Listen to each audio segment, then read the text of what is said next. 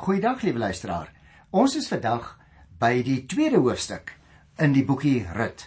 Ons het nou al so heel wat gesels oor die agtergrond en in die vorige program gesien hoe dat daar tussen drie vrouens wat op 'n staptog gegaan het terug na Juda toe baie indringende gesprekke plaasgevind het. Maar as ons nou by Rut die tweede hoofstuk kom, dan is dit 'n baie baie belangrike afdeling want hier ontmoet Boas en Rut mekaar. Daar in Juda in die gebied van die wat soms genoem word Efrata wat ons ook in die Nuwe Testament kry. En daarom hierdie hoofstuk, liewe luisteraar, handel hoofsaaklik oor die ontmoeting tussen Rut en Boas. En hierdie ontmoeting waarvan ek vandag net uh, die eerste 12 verse gaan behandel, vorm die middelpunt van 'n konsentriese opbou en dit is 'n episode met twee gesprekke tussen Boas en die snyers vers 4 tot 7 en dan volgende keer vers 15 tot 16 wat 'n mens uh, in hierdie verhaal kry. Naomi en Rut se optrede en gesprekke vorm 'n baie interessante wat sal ek dit noem uit 'n eintlik 'n buitenste kring met 'n baie keurig saamgestelde opset wat ons in hierdie boek aantref. Voordat ek nou hoofstuk 2 behandel, wil ek graag 'n paar opmerkings maak, liewe luisteraars, oor die sogenaamde lossingsreg in ou Israel, want ons gaan dit in hierdie verhaal kry en wanneer ons dit nou lees en ons verstaan nie wat onder die lossingsreg verstaan word nie, dan gaan ons 'n hele belangrike gedeelte uh mis en nie regtig verstaan wat in die boek gebeur het nie. Jy sien, lede van die groter familiegroep of clan, as ons dit nou in ons dag so sou noem, was in oud Israel onder 'n wetlike verpligting om mekaar te help en natuurlik ook mekaar te beskerm. En hierdie saak van verpligte hulp aan familielede of die lossingsreg word juis in Levitikus 25 beskryf. Jy sal onthou ons het daaroor gesels toe ons Levitikus 25 vers 23 tot 55 behandel het destyds. Die lossingsreg het naamlik primêr ten doel dat individuele familielede nie as gevolg van skuld hulle persoonlike vryheid of hulle familiegrond permanent moes verloor het nie. Wanneer iemand se finansiële verpligting byvoorbeeld so groot was dat hy sy grond of selfs homself as 'n slaaf moes verkoop, dan het hy 'n spesifieke familielid gevra om as losser vir hom op te tree. En so 'n losser moes dan die grond koop of die geld voorsien totdat die familielid wat die hulp nodig gehad het, dit aan hom kon terugbetaal. Die verpligting van die losser in in Hebreëus word dit genoem 'n goel. Die verpligting van die losser was meestal finansiëel van aard, maar dit het ook ernstige saak van bloedwraak ingesluit. Daar was naamlik 'n bepaalde volgorde binne 'n familie waar volgens 'n persoon as losser aangewys is. 'n Persoon kon egter sonder dat hy dit verkwalik sou word, sy verpligting om as losser op te tree na iemand anders toe laat oorgaan.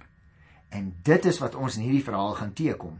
Jy sien die saak het ook in die godsdiens neerslag gevind sodat die Here as losser van veral die armes en die verdruktes en die wat nie na hulle self kon omsien in die tyd van die Ou Testament nie beskou is. Die Here is as hulle losser beskou. Byvoorbeeld in Jeremia 32 van vers 6 af is daar 'n baie mooi beskrywing van hoe die lossingsproses verloop het. Maar ek wil nie nou die verhaal in Jeremia bespreek nie omdat ons besig is met die boek Rut. So, kom ons lees sommer die eerste 3 verse in Rut 2 en dan gesels ons so 'n bietjie met mekaar daaroor. Naomi het 'n vermoënde familielid gehad van haar man Elimelek se kant af. Sy naam was Boas. Rut, die Moabitiese vrou, vra toe vir Naomi: "Mag ek lande toe gaan om are op te tel by iemand wat my sal toelaat om dit te doen?" Naomi antwoord haar: "Gaan gerus maar, my dogter." Sy het toe geloop om die land te gaan are optel agter die graansnyers aan. Sy het uitgekom by die deel van die land wat behoort het aan Boas, die familielid van die oorlede Elimelek. Nou hier, liewe luisteraars, Die derde karakter, naamlik Boas, word nou aan ons voorgestel. Behalwe sy naam, hoor ons as lesers nog twee interessante brokkies inligting oor hom wat vir ons belangrik is en natuurlik wat vir die verloop van die verhaal ook belangrik is.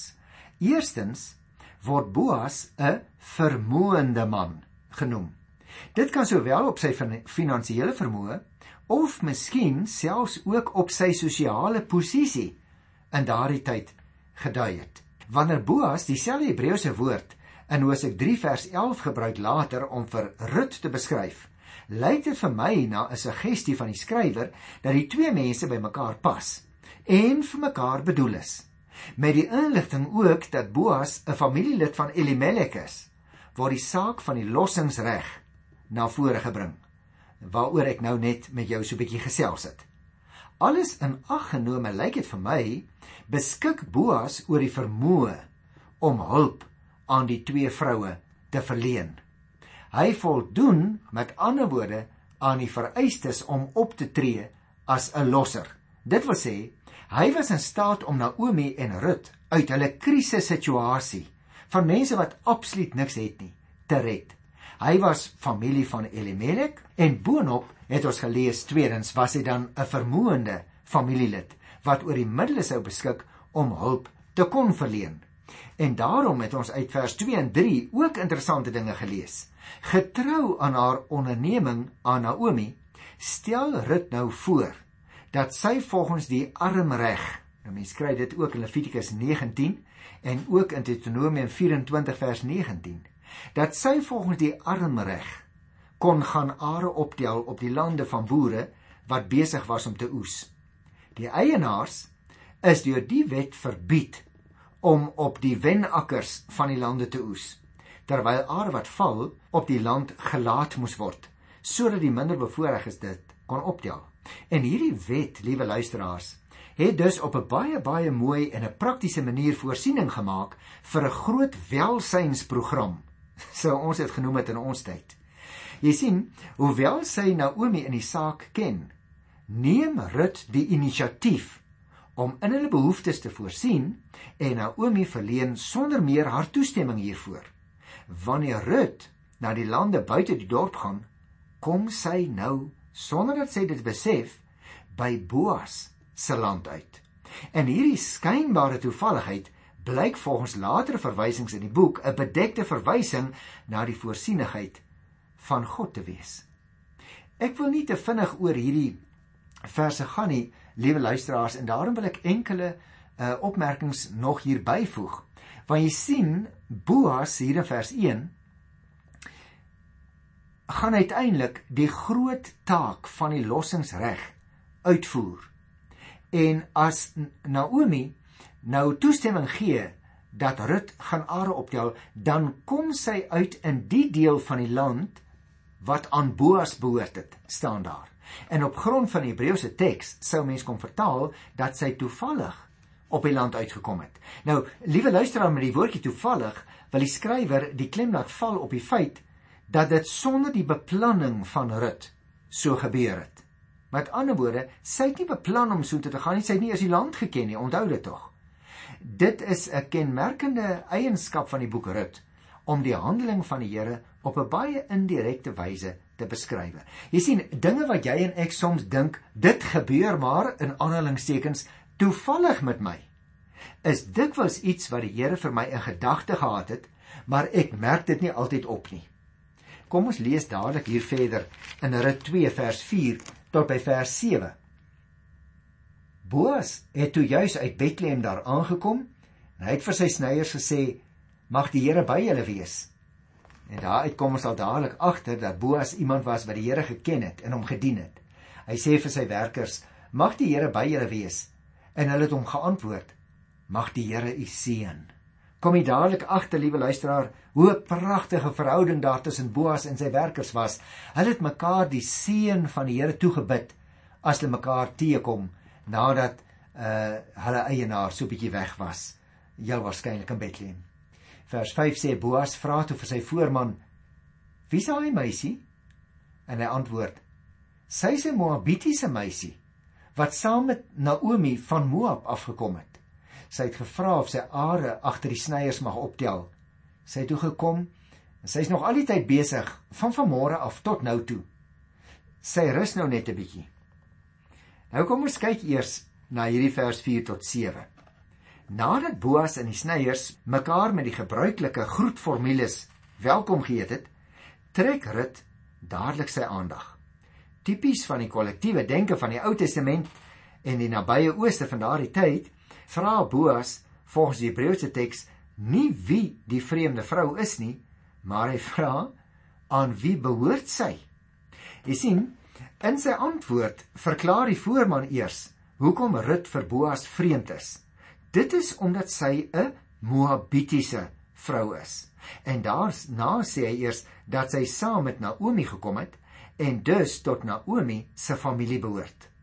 Verder gee hy ook nog addisionele inligting aangaande Rut wat nie deur Boas gevra is nie, maar wat iets van haar persoonlikheid sê. Die feit dat sy alhoewel dit die reg van die armes was om te kon are optel, eers toestemming vra voordat sy are optel, wys op 'n bepaalde beskeidenheid. Sy dring haarself nie sommer net op nie, né? En tog, tog vertoon sy ook waagmoed. Vertoon sy inisiatief wanneer sy meer vra as wat die armreg toelaat. Sy vra naamlik om ook tussen die gerwe are op te tel. Behalwe haar beskeidenheid sou ek sê en behalwe haar waagmoed noem die voorman ook haar ywer omdat sy van die oggend af tot met die middagete onafgebroke gewerk het. Indien die voorgestelde tekslesing vir die laaste deel van vers 7 gevolg word, dan blyk dit 'n dubbelsinnige brokkie inligting te wees. Interessant, né? Dit kan 'n aanduiding wees dat sy nou haar tuiste hier in Bethlehem gemaak het of ook dat hierdie stuk land deel van haar nuwe tuiste gaan wees wat dan as 'n bedekte verwysing na haar huwelik met Boas geld. Maar ek dink, liewe luisteraar, ons miskien nie veel aandag daaraan gee nie, want die punt is sy's vreemd in hierdie omgewing. So sy doen waarskynlik maar wat sy met haar skoonma Naomi afgespreek het sonder dat sy die bepaalde konsekwensies wat dit vergaan inhou in die volgende dae besef het. Jy moet ook oplet in hierdie vers 4 tot 7 dat Boas wat in Bethlehem gewoon het, kom kyk hoe die oestery vorder. Dis eers nadat hy en die graansnyers mekaar op die gebruikelike wyse gegroet het, dat hy die interessante ding doen om nie oor die oestery te vra nie, want kyk as 'n boer vandag aankom by sy land, dan gaan hy dadelik vir sy werkers vra, "Hoe gaan dit met die oes?" Jy gaan nie dadelik vra na daai vreemde meisie uh daar op die land, wie sy nie? Want miskien kon sy gereelde werkers iemand ingeneem het as 'n huurling om die oes te help insamel. Maar interessant, Boas se voorman stel Rut op daai twee maniere bekend. Hy sê wie sy is en ook wat sy doen. Dat sy met toestemming are optel en dan die belangrike ding wat ons opgemerk het. Hy vertel vir die eienaar van die grond hoe ywerig sy is. En nou luisteraars, kom ons by die laaste paar versies wat ek vandag wil behandel uh hierso in Rut by die tweede hoofstuk. Ek gaan sommer vers 8 tot by vers 12 lees. Boas sê toe vir Rut: "Luister my dogter, moenie op 'n ander land gaan are optel nie. Moet ook nie hier weggaan nie. Bly hier by die meisies. Bly op die land waar hulle oes en volg hulle. Ek het die mans aangesê om jou nie lastig te val nie. En wanneer jy dors is, gaan na die waterkruike toe. Drink van die water wat die werksmense vir hulle geskep het." Rut het diep gebuig voor Boas en gevra: "Waarom is u so goed vir my? Waarom stel u belang in my, in 'n buitelander?" Boas antwoord haar toe: "Ek weet van alles wat jy vir jou skoonma gedoen het na die dood van haar man en dat jy jou ouers en jou geboorteland verlaat het en na 'n volk toe gekom het waarvan jy van tevore niks geweet het nie. Mag die Here jou beloon vir wat jy gedoen het." mag jy 'n welverdiende beloning ontvang van die Here, die God van Israel, onder wie se vleuels jy kom skuil het. O, luisteraar Boas, as ek sy woorde hoor, dan moes hy darm 'n wonderlike, hy moes 'n uitsonderlike man gewees het. Wat so van die Here getuig teenoor sy werkers as hy daar aankom. Wat so teenoor hierdie vreemde vrou wat hy glad nie ken nie, Rut, teenoor haar getuig van die Here en van wie die Here is. 'n Wonderlike getuie vir die Here, né? Kom ek maak so 'n paar algemene opmerkings oor hierdie paar verse, vers 8 tot by vers 12, want ek dink dit is ook vir ons baie belangrik om dit presies te verstaan, mooi te kyk wat nou in die verhaal gebeur. Want uiteindelik ontmoet die twee eintlike hoofkarakters van die van die verhaal mekaar nou van aangesig tot aangesig, naamlik Boas en Rut. Hulle kom nou baie sterk op die verhoog. As ek nou 'n toneelstuk moes skryf, dan sou ek nou al die ander uh spelers op die verhoog uh laat afgaan het en net hierdie twee, want dit is 'n belangrike oomblik in hulle ontmoeting hierso. Jy sien, van wie sy sosiale posisie? Is Boas eerstens aan die woord. Sy toegeneentheid teenoor Rut blyk uit die feit dat hy haar aanspreek as my dogter. En so liewe luisteraar, lyk dit vir my so besorg is hy oor Rut se welsyn dat hy haar beveel om op die lande te bly en nie na ander lande toe te gaan nie. Verder verbied hy ook nog die snyers om haar laster te val sy welwillendheid met ander woorde word finaal bevestig as hy haar toestemming gee om uit die waterkruike wat eintlik vir sy werkers bedoel was te mag drink. Jy moet eens oplet liewe luisteraar, Boas se woorde wat ons in vers 8 en vers 9 kry en Rut se reaksie wat ons uh, in vers 10 kry word beskrywe. Boas is besonder vriendelik teenoor Rut en hy is bekommerd oor haar welstand. Daarom dat hy gesê het, eerstens, sy moenie op 'n ander land as syne gaan are optel nie. Hy aanvaar met ander woorde volle verantwoordelikheid vir haar. Tweedens, aangesien 'n ongetroude vrou maklik ten prooi kon val van onsedelike attensies, gee Boas sy werkers opdrag om Rut nie te molesteer nie. En die derde ding wat my opval, liewe luisteraar, Rut kry toestemming om haar water uit die werksmense se kruike te mag gebruik. Vir iemand wat in die warm son moes werk, moet ons 'n gedagte hou, sou dit natuurlik 'n baie welkome uitkoms wees. Rut reageer op tipies oosterse wyse deur laag voor hom te buig, het ons gelees. En so gee sy haar dankbaarheid te kenne en betoon sy ook haar nederigheid. Dit bly natuurlik tussen hakies wil ek net sê, steeds 'n raaisel dat Boas aan haar 'n buitelander soveel welwillendheid wil bewys. En daarom vers 10 tot by vers 12. Want ek dink uh as ek net weer daarop mag wys, Rut het diep gebuig voor Boas en gevra: "Waarom is u so goed vir my en stel u belang in my wat 'n buitelander is?" Nou luisteraars, Rut toon haar dankbaarheid op 'n baie tipiese oosterse wyse as sy so laag buig, soos ek nou nou vir jou uitgewys het. Wanneer sy die rede vir sy welwillendheid teenoor haar as vreemdeling vra, dan gebruik sy 'n uitdrukking wat 'n belangrike motief in die hele hoofstuk is. Die Hebreëse uitdrukking guns vind in die oë van iemand kom 3 maal voor, naamlik in vers 2 en vers 10 en vers 13 waarby ek eers in die volgende program gaan kom. Jy sien van 'n vaar versigtiging teenoor Naomi dat iemand aan haar guns sal bewys, word dit elke keer meer spesifiek gebruik totdat dit uiteindelik in vers 13 pertinent gestel word dat Boas aan haar guns bewys het.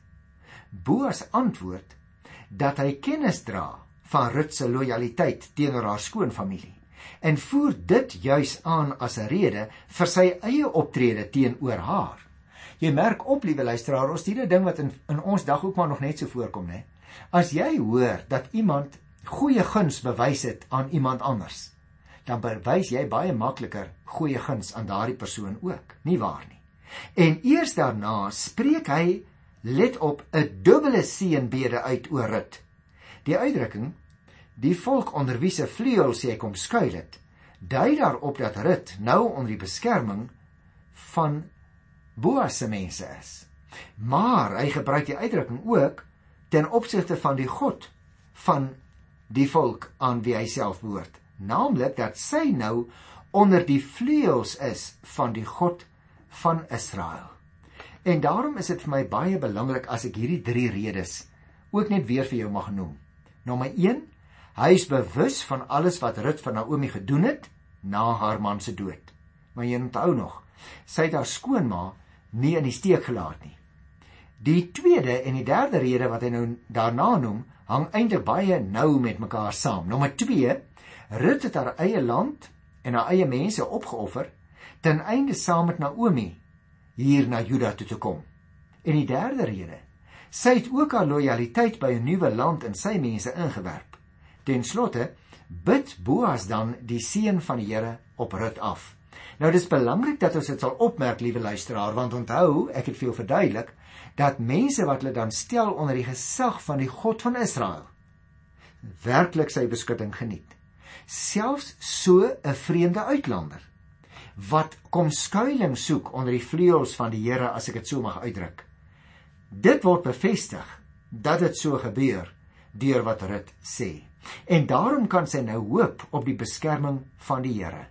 Jy sien, die genade van die Here is nie net beperk tot Israeliete nie sy vleuels soos dit hier genoem word met ander woorde sy liefdevolle versorging en beskerming dit sluit ook hierdie moabitiese vrou in.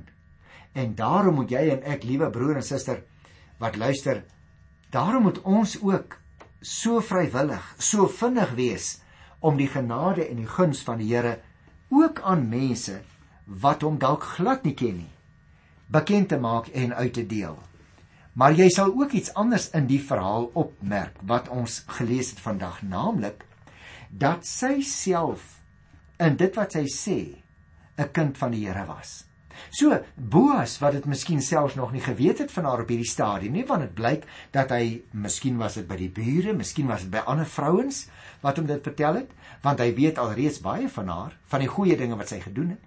Maar moontlik het hy nog nie geweet dat sy haar verbind het toe sy afskeid geneem het van haar suster en haar verbind het teenoor haar skoonma Naomi, het sy gesê sy sal die God van haar skoonma dien.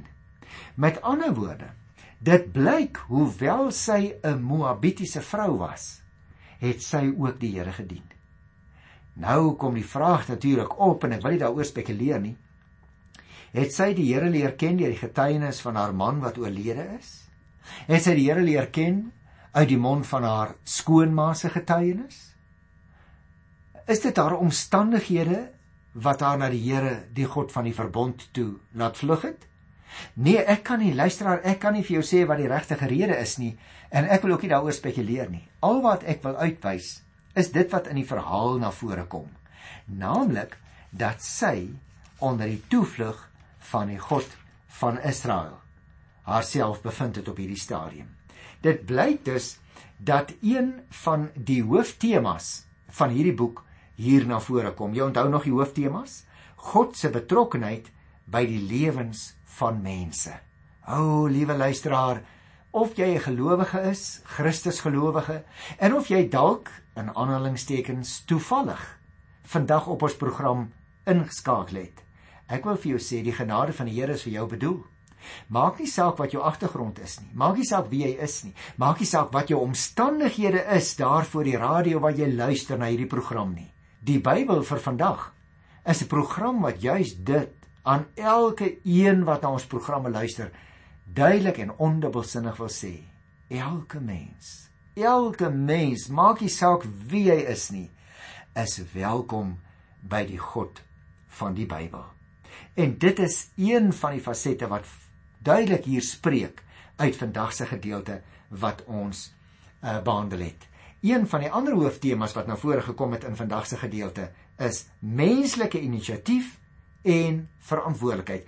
Sy wat Rut is kon baie maklik daar op die kant van die land gesit het. Gesê: "Ag, my skoonma moet maar vir my kos bring. Ek sit maar net hier en rus, ek is moeg, ek het ver geloop." Maar nee. Sy aanvaar persoonlike verantwoordelikheid om ook te kan kyk wat kan ek aan my eie situasie doen? As jy 'n moeilike situasie is vandag, liewe luisteraar, kyk wat jy daaraan kan doen. Moenie net agteroor sit nie. Ek groet jou in die wonderlike naam van die genadige Here wat sonder mense soos jy en ek ontvang. Tot volgende keer. Totsiens.